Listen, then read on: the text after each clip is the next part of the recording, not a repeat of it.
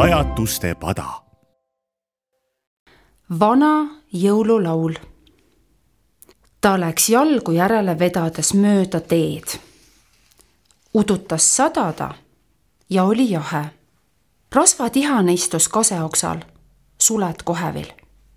kes seal longib? küsis ta. mina olen vana jõululaul, vastas kõndija. kõik on mind unustanud. Laula sina mind, väike tihane. mina, minu hääl on kähe ja mulle ei meeldi jõululaulud, mulle meeldivad kevadlaulud. ja tihane lendas oma teed. vana jõululaul lonkis väsinult edasi. vastu tuli rikas kaupmees. olen vana jõululaul. lapsena sa tundsid mind, laula mind hm.. Kui olengi tundnud, ei tunne enam. raha kõlin kassalaekas, see on kauneim laul, mida mina tean mine oma teed, mul ei ole ülearust aega, ma pean mõtlema, kuidas saaksin suurendada jõulumüüki. vastu tuli proua kiirus. no mis lonkimine see siin olgu, ütles proua ägedalt. ta ei kannatanud, et kõigil ei ole sama kiire kui temal. Olen vana jõululaul. Sinu ema laulis mind kunagi, küllap sinagi mäletad mind, laula mind. Kas minul peaks olema aega laulda jõululaule just nüüd enne jõule? on vaja teha suurpuhastust ja pesta pesu ja küpsetada jõululeivad ja praadida jõulupraadi ja küpsetada jõulutordid ja leotada jõulukala ja poonida ja küürida ja vaipu kloppida ja vana jõululaul ei kuulnud rohkem, sest proua Kiirus oli juba kaugel. sadu oli lõppenud, maa külmunud ja pakane muutus käredamaks. aga vana jõululaul rändas ja otsis kedagi, kes tahaks teda laulda. siis tuli vastu kuulus luuletaja. vana jõululaul rõõmustas. Olen vana jõululaul, sina kindlasti tunned mind, tahaksid sa mind laulda? luuletaja peatus ja vaatas tähelepanelikult vana jõululaulu hmm.. või vana jõululaul. oled jah seda nägu? sinul on ju lõputki riimis ja rütm. kas mina peaksin laulma midagi sellist? mina olen ometi kuulus luuletaja, täiesti modernne. mina laulan nii. üksildus, kuigi ei tea, kas oled rohekas, kollane, jahe, suur, suurem, suurim? kuulsa luuletaja hääl vaibus kauguses, sest vana jõululaul jooksis minema nii kiiresti, kui jalad võtsid.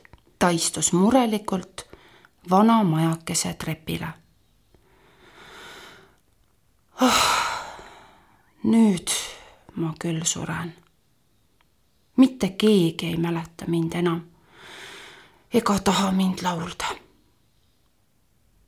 siis tuli mööda rada majakese poole vanaema, väike laps käe kõrval. vaata, memm, keegi istub meie trepi peal, ütles laps.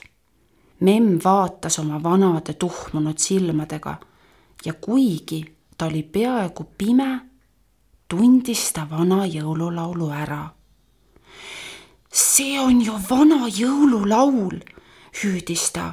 vanaema õpetas mulle seda, nii vana on see. laula mind, palus laul viimast jõudu kokku võttes. tule ometi sisse, ütles memm. ja laul astus sooja tuppa. Memm hakkas laulma oma nõrga murduva häälega lapse hele hääl ühines lauluga. ega vana jõululaulgi olnud enam hall räbalapundar, vaid kirgas ja sädelev ning tema kuub kumas tähtede ja küünalde valgust. väike toake justkui kõrgenes, muutus avaramaks. laul levis ja viisid kandusid üle sünge ning mureliku maa.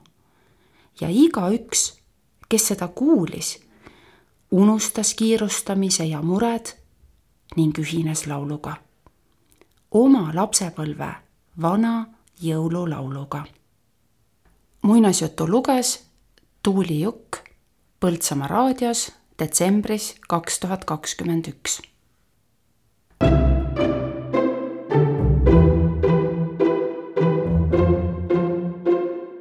Pajatuste pada